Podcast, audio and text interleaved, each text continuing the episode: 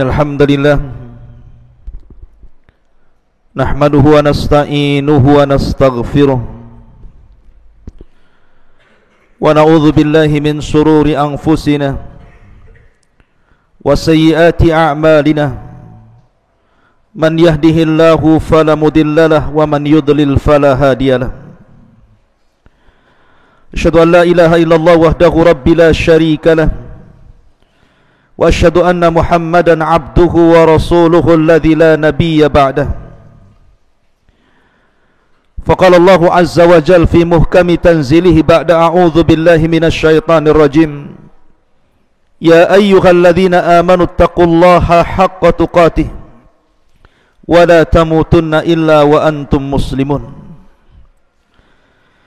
فإن أصدق الحديث كتاب الله وخير الهدى هدى محمد صلى الله عليه وسلم وشر الأمور محدثاتها وكل محدثة بدعة وكل بدعة ضلالة وكل ضلالة في النار.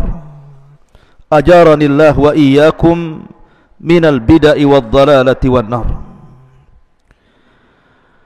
معاشر المسلمين جماعة جمعة رحمكم الله. Sebelum khatib menyampaikan khutbahnya Biasa khatib Memberikan nasihat untuk khatib pribadi dan tentunya jamaah sekalian Usikum wa nafsi bitaqwallah Marilah kita senantiasa meningkatkan takwa kita di hari Jumat ini. Dengan senantiasa memperbanyak salawat kepada Nabi sallallahu alaihi wasallam Allahumma salli ala Muhammad wa ala alihi wa sahbihi wa sallam ajmain. Ma'asyiral muslimin yang dimuliakan Allah Subhanahu wa taala. Pada khutbah kali ini khatib akan menyampaikan sebuah amalan yang memiliki rahasia pengaruh yang sangat dahsyat tentunya dalam kehidupan dunia yang panah ini. Amalan yang paling mulia tentunya dalam rangka mendekatkan diri kepada Allah Subhanahu wa taala.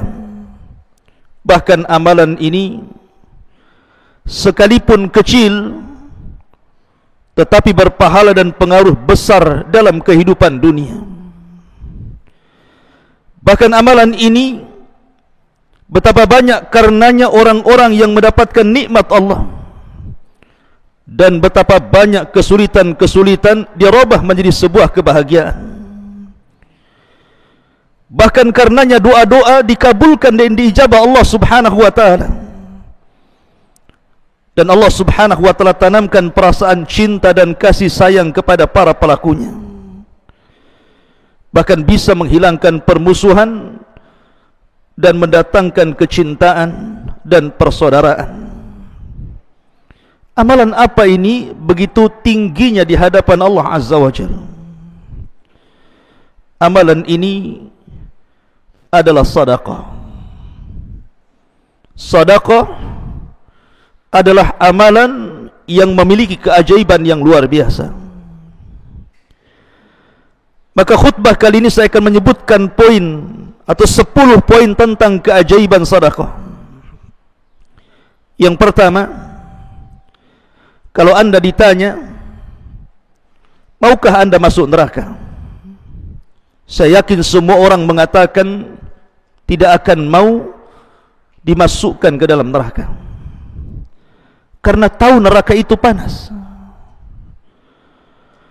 Lalu bagaimana caranya seseorang itu bisa selamat dari neraka? Bahkan dengan amalan yang kecil orang bisa diselamatkan dari neraka. Apa itu? Bersedekahlah. Nabi sallallahu alaihi wasallam bersabda dalam sebuah hadis dari Adi bin Hatim radhiyallahu an qala Rasulullah sallallahu alaihi wasallam ma minkum min ahadin illa sayukallimuhu rabbuhu laysa bainahu wa bainallahi turjuman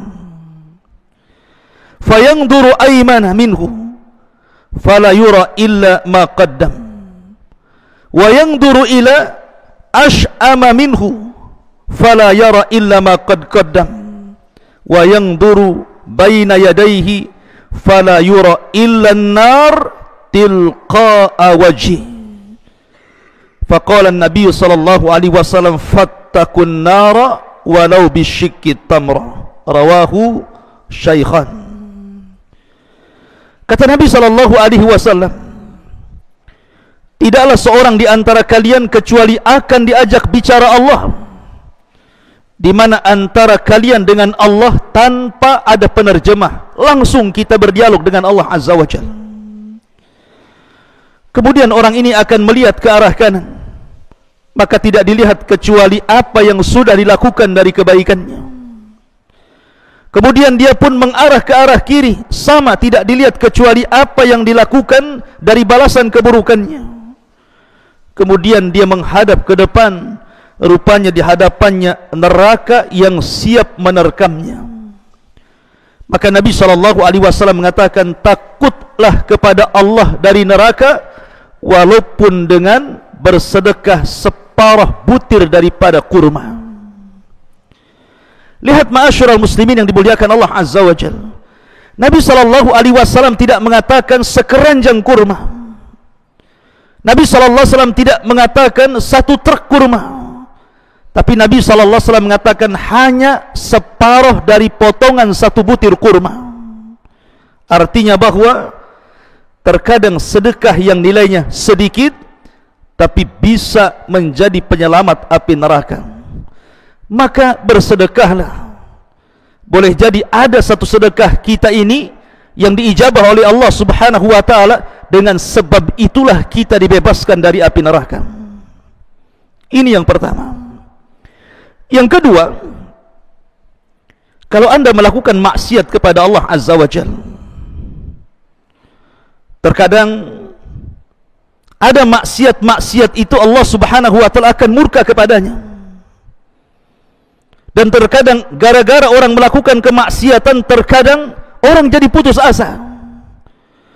Karena ketakutan Allah Subhanahu wa taala akan mengadab dirinya. Maka bagaimana caranya supaya Allah subhanahu wa ta'ala Tidak mengirimkan murka dan amarahnya kepada kita? Lantaran kemaksiatan-kemaksiatan yang kita lakukan. Maka kata para ulama bersedekahlah.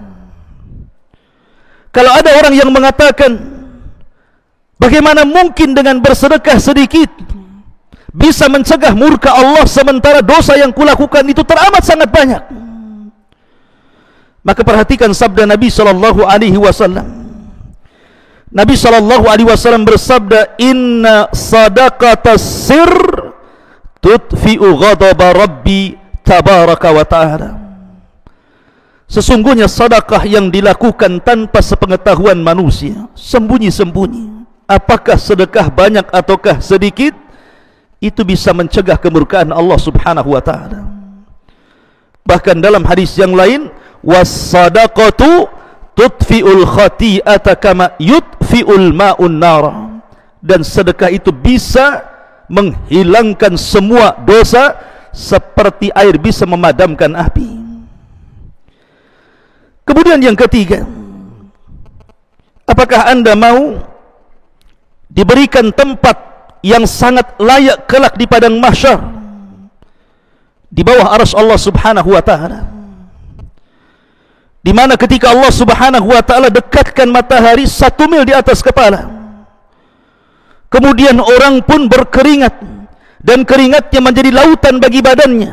Ada yang tenggelam selutut ada yang tenggelam sepusar ada yang tenggelam sedada bahkan ada yang tenggelam seluruh badannya dengan keringatnya.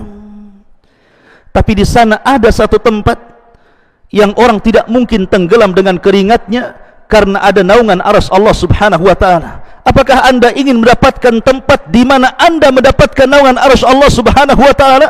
Tentu jawabannya, ya, saya ingin mendapatkan tempat itu. Lalu bagaimana caranya? Caranya dengan cara bersedekah. Nabi sallallahu alaihi wasallam bersabda sab'atun yudhilluhumullahu fi dhillihi yawma la dhilla illa dhilluh. Ada tujuh kelompok yang akan mendapatkan naungan Arash Allah subhanahu wa ta'ala di hari yang tidak ada naungan kecuali naungan Allah. Salah satunya Nabi wasallam mengatakan wa rajulun tasaddaqat bi yaminihi la tu'lam shimaluhu. Seorang laki-laki yang bersedekah dengan tangan kanannya sampai tangan kirinya tidak tahu. Bahkan dalam hadis yang lain Nabi SAW mengatakan kulum kulum ri'in fi dhilli sadaqatihi yaumal qiyamah. Setiap manusia akan mendapatkan naungan di atas kepalanya karena sedekahnya kelak pada hari kiamat.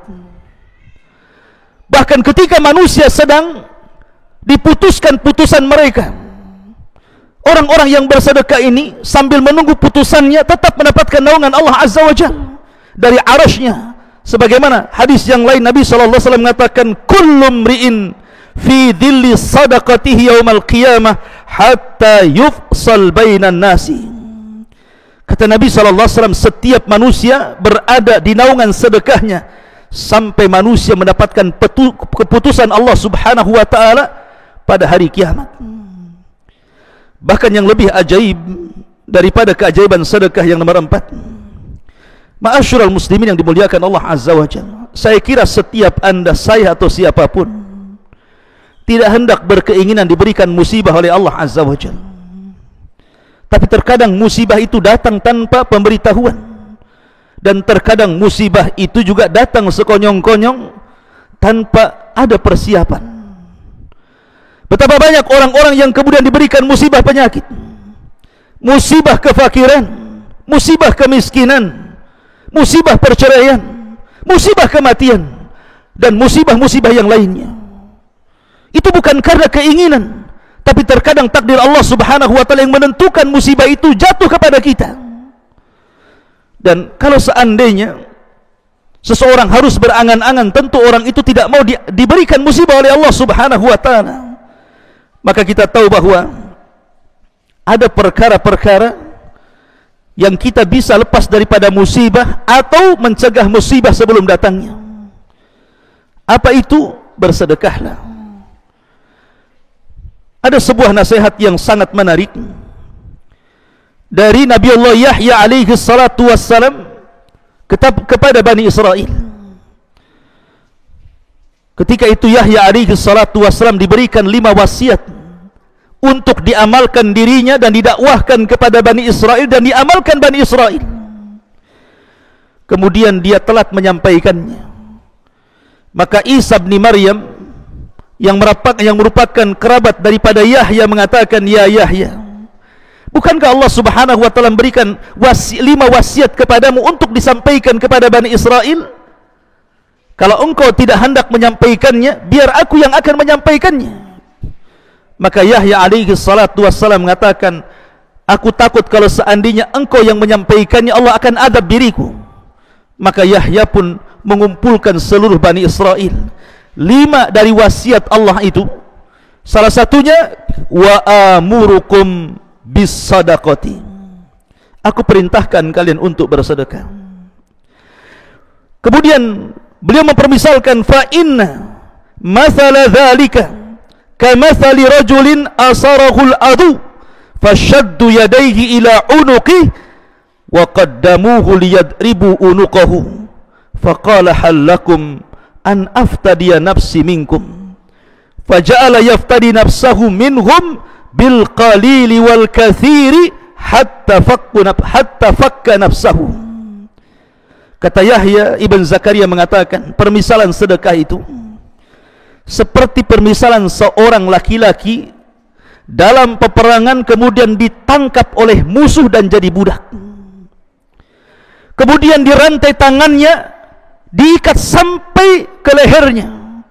Kemudian dihadapkan kepada musuhnya dan hampir-hampir memenggalnya.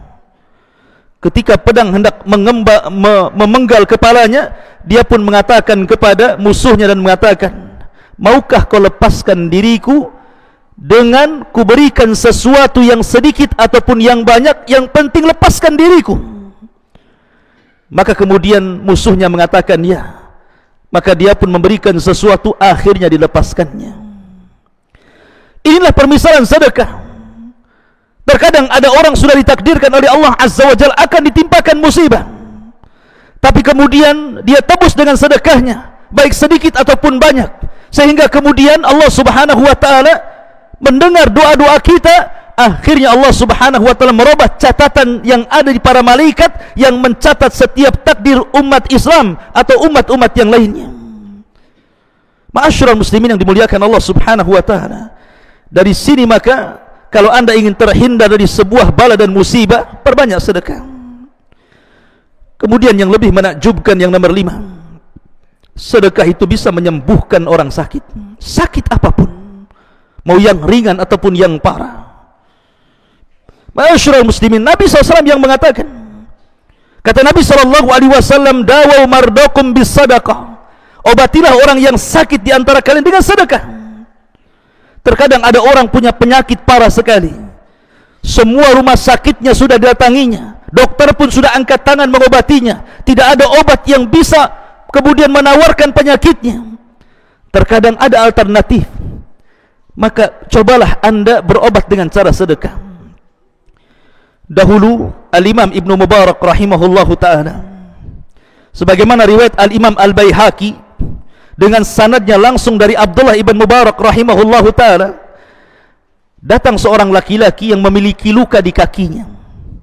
Kemudian mengeluarkan darah dan darah itu tidak bisa dihentikan. Setiap hari keluar darah hampir-hampir kekurangan darah.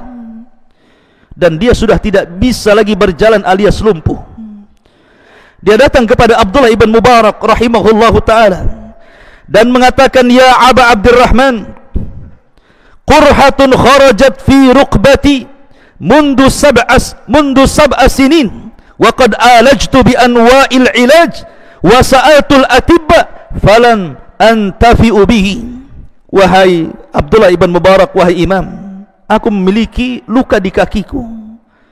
Mengeluarkan darah terus mengeluarkan nanah terus dan aku sudah berbagai macam obat ku minum sudah berbagai macam dokter ku datangi tapi tidak ada manfaatnya Maka Abdullah ibn Mubarak rahimahullahu taala mengatakan, "Idhhab fangdur maudian yahtajun nas ilal ma." Kalau begitu, pergilah kau ke sebuah daerah. Cari orang-orang yang berhajat dengan air. Kemudian fahfir hunaka bi'ran. Galilah kau sumur di situ.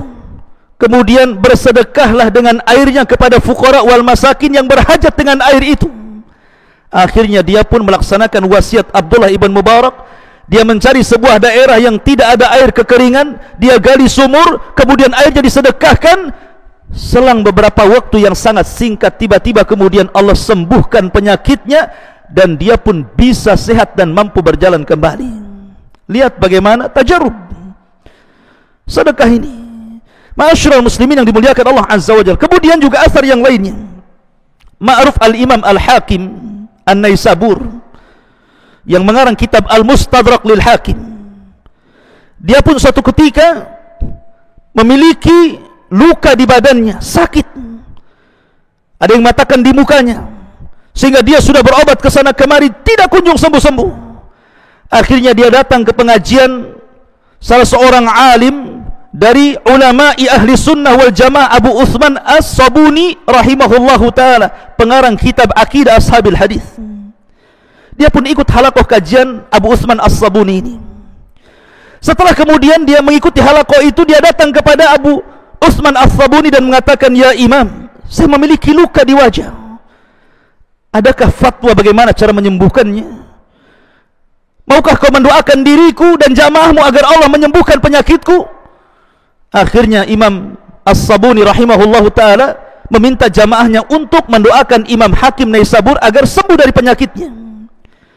Kemudian setelah selesai pengajian ada seorang wanita saleh yang ikut majlis di situ bermimpi. Dalam mimpinya datangi oleh malaikat, kemudian malaikat itu mengatakan kepada wanita itu sampaikan kepada hakim suruhlah dia bersedekah dengan air. Maka Allah Subhanahu wa taala akan menyembuhkan penyakitnya. Maka wanita yang salehah ini kemudian datang kepada Imam As-Sabuni kemudian menyampaikan mimpinya. Dan Imam As-Sabuni menyampaikan mimpi wanita itu kepada Imam Hakim dan Imam Hakim melaksanakannya. Dia pun bersedekah dengan air. Tiba-tiba dalam waktu yang sangat singkat semua penyakitnya disembuhkan Allah Subhanahu wa taala. Tadawau mardakum bis sadaqah sembuhkan orang sakit di antara kalian dengan sedekah.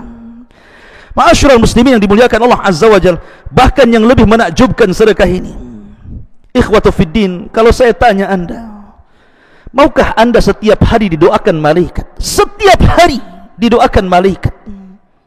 Sementara malaikat ibadun mukramun hamba Allah yang sangat mulia yang tidak mungkin ditolak doanya dekat dengan Allah tidak pernah maksiat. Wa yaf'aluna ma yu'marun. Maukah anda didoakan setiap hari oleh malaikat? Sementara doa-doa malaikat tidak mungkin ditolak Allah Subhanahu wa taala. Jawabannya tentu saya ingin didoakan malaikat setiap hari lalu bagaimana caranya? Caranya kata para ulama bersedekahlah. Nabi sallallahu alaihi wasallam bersabda dalam sebuah hadis ma min yaumin yusbihul ibadu fihi illa malakani yanzilan fayaqul ahaduhuma Allahumma a'ti munfiqan khalafa wa yaqulul akhar Allahumma a'ti mumsikan talafa tidaklah setiap pagi seorang hamba kecuali didatangi malaikat dan mendoakan dia setiap hari. Jadi setiap pagi ada dua malaikat datang kepada kita masing-masing kita setiap hari. Kemudian yang satu mengatakan Allahumma a'ti munfiqan khalafa ya Allah. Berikan kepada orang ini orang yang suka sedekah ini ganti yang lebih baik kemudian yang satunya mengatakan ya Allah hancurkan hal harta orang ini karena dia tidak pernah bersedekah menahan hartanya. Jadi kalau kita ingin didoakan kebaikan malaikat maka bersedekahlah.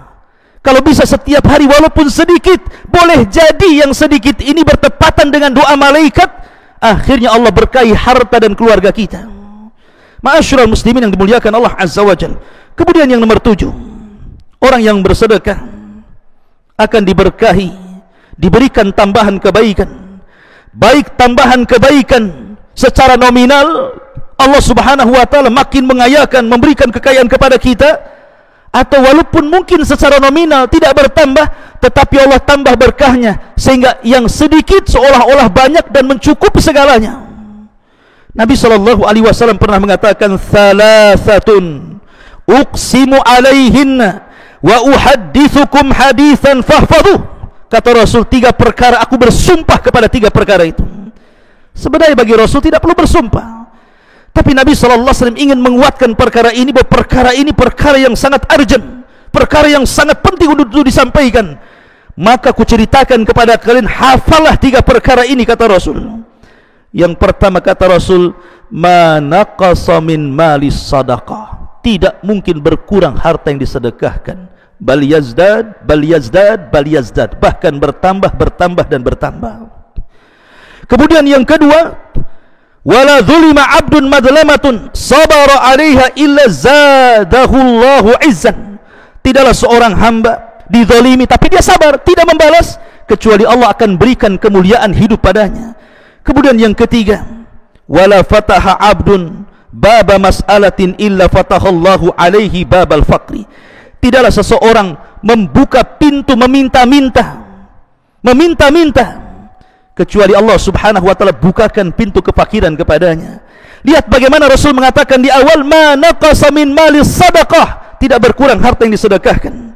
Dan yang nomor delapan orang yang bersedekah akan dilipat gandakan hartanya di hadapan Allah sebagaimana firman Allah Azza wa Jal mathalul ladina yunfiquna amwalahum fi sabilillah kamathali habbatin ambatat sab'a sanabil fi kulli sumbulatin mi'atu habbah wallahu yudha'ifu liman yasha wallahu wasi'un alim. Permisalan orang-orang yang menginfakkan harta harta mereka di jalan Allah seperti satu biji yang anda tanam kemudian tumbuh tujuh batang.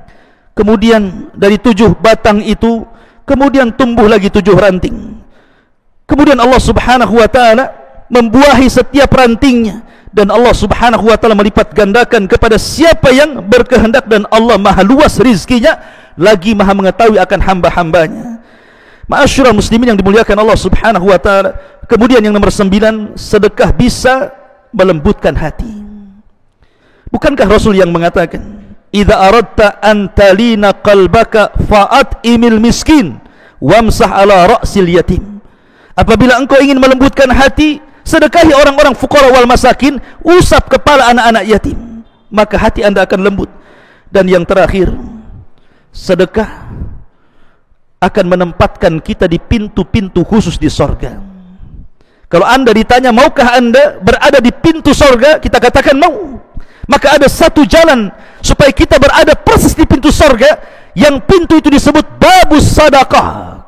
Pintu sedekah kata Nabi SAW wa in kana min ahli sadaqah du'iya min babis sadaqah. Kalau dia termasuk ahli sedekah maka dia akan dipanggil dari pintu sedekah. Aku lu matasmaun aku lu qauli hadza wastaghfiru innahu huwal ghafurur rahim.